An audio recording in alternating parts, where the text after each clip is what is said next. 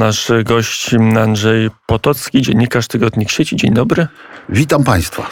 E, Witam to co, mamy kilka newsów do omówienia. Pierwszy news, który nam przyniosły ostatnie godziny, właściwie minuty, to jest to, że Marsz Niepodległości w Warszawie będzie miał status m, święta państwowego. Dobrze, niedobrze, panie redaktorze? No dobre pytanie, bo z jednej strony w ten sposób marsz traci ten swój e, efekt, e, który do tej pory miał taki bardzo, bardzo taki poważny, można by powiedzieć, mianowicie efekt spontaniczności. A jeżeli to staje się uroczystością państwową, e, no to już mamy legalną formę, e, to już troszeczkę jest co innego i traci ta e, spontaniczność, choć w tej sytuacji wydaje mi się, że nie było innego wyjścia, bowiem przy tej postawie władz miasta Warszawy, a konkretnie prezydenta Trzaskowskiego, który za wszelką cenę z powodów ideologiczno-politycznych chciał ten marsz storpedować, e, przy wsparciu kasty sędziowskiej, e, która trzykrotnie e, wydawała wyroki, nie chcąc uznać e, tego marszu za cykliczny, choć mimo COVID-u ten marsz się w ubiegłym roku odbył w formie Samochod- samochodowej. Ale też i pieszy i nie obyło się Ale bez... też nie obyło się bez pieszego, w związku z tym tam I nie było za bardzo... bo e, o tym opozycja mówi teraz y, marsz, który jest skrajnie prawicowy, który jest jednak organizację no, bardzo prawicowego or- organizują teraz miał status państwowy, że to nie jest dobre. y,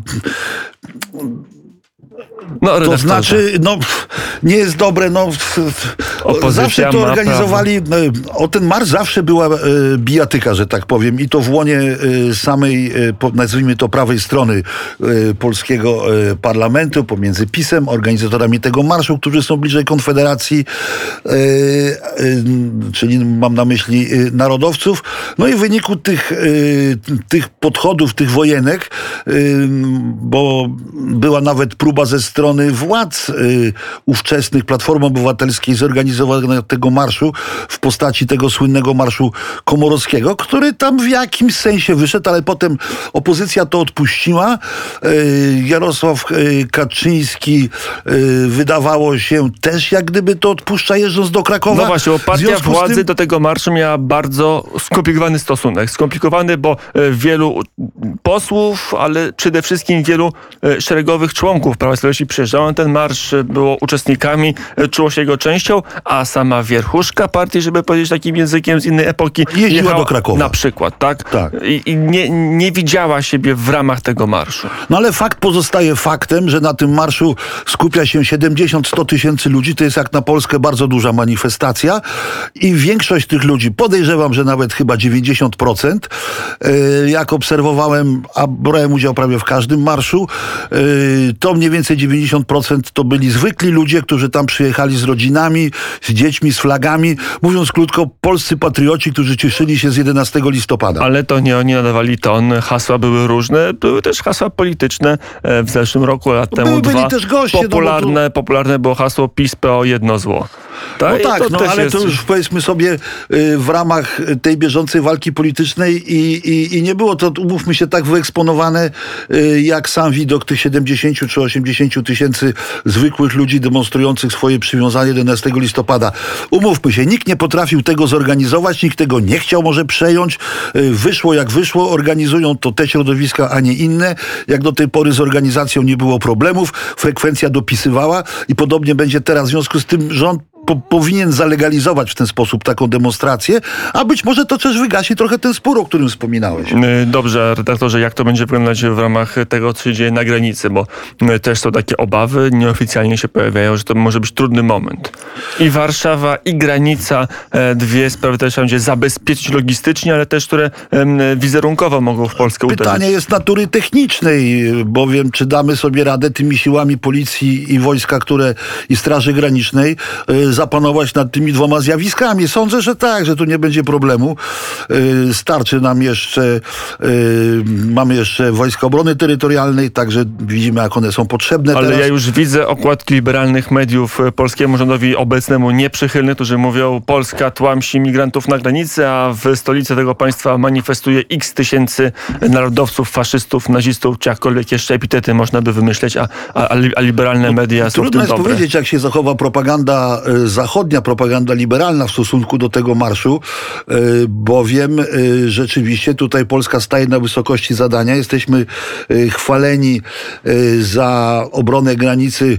Nawet już do tego doszło, że Holandia, która nie jest nam zbyt łaskawa w kwestiach praworządności, jej minister spraw zagranicznych Ben Knappen no, stwierdził, że no, poparł te działania Polsce na, Polski na granicy. Również Horst Seehofer, szef niemieckiego MSW, e, popiera. No, czy w tej konfiguracji oni za bardzo będą ten marsz atakować?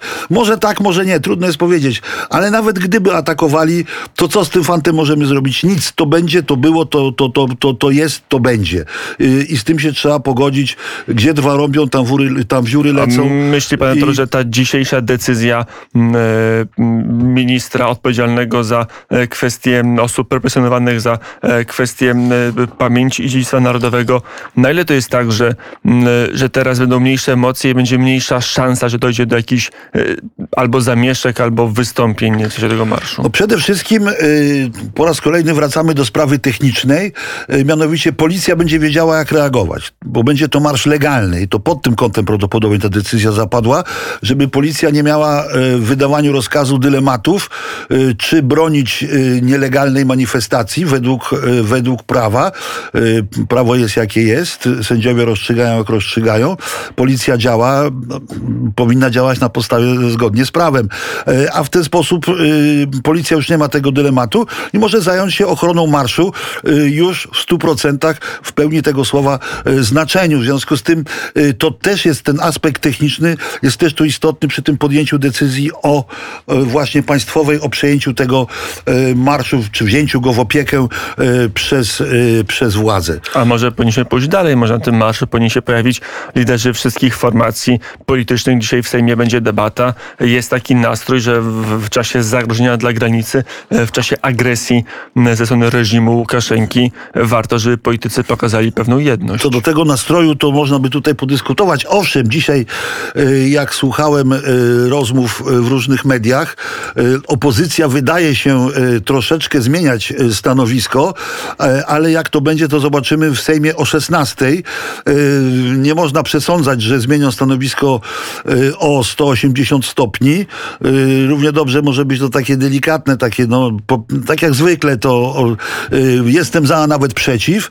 Mam na myśli kwestię uchodźców. No tak trochę można powiedzieć o Platformie, która do tej, go- do tej granicy, do tych zabezpieczeń podchodzi tak, że oczywiście trzeba e, uchronić granicę, ale trzeba być humanitarnym, że to jest takie No to jest takie jakby zjeść ciastko i mieć ciastko. No tego się nie da, no niestety. I tak na, na nasza armia Nasze służby robią co mogą, y, żeby y, nie przesadzać y, w tym braku humanizmu przy tych interwencjach, no ale niestety no, gaz na taką tłuszczę to trzeba użyć, żeby, żeby nie prze... No widzieliśmy tego, jak ci turyści y, Łukaszenki się zachowują, y, mając wizy turystyczne, no bierze łopata, atakuje żołnierza, no to chyba jest... jeszcze nie żołnierza, tylko zasieki, spokojnie. Nie, on Chociaż się zamierzył na żołnierza. To Tylko, że prawda, miał za- zasieki, miał zasieki przed sobą, Więc- ale gest był, także, także. A, to jeszcze co by było, gdyby, koniec- co by, I co by było, gdyby nie było tych zasiek? I tu jest właśnie też Gdyby do- nie przy było drutu kolczastego i tej siatki, to jeszcze na koniec mamy mm, dosłownie minutę, panie redaktorze. Mm, W takim wypadku mm, ta granica, jakie powinny y, środki polskie służby i polskie wojsko stosować? Y, Mamy te ręczne gazy, one mają dość krótki zasięg, nie przelatują przez całe zasieki, stąd e, migranci mogą te zasieki niszczyć i robić w nich wyrwy. Czy tutaj nie powinna być jakaś większa stanowczość ze strony polskich służb?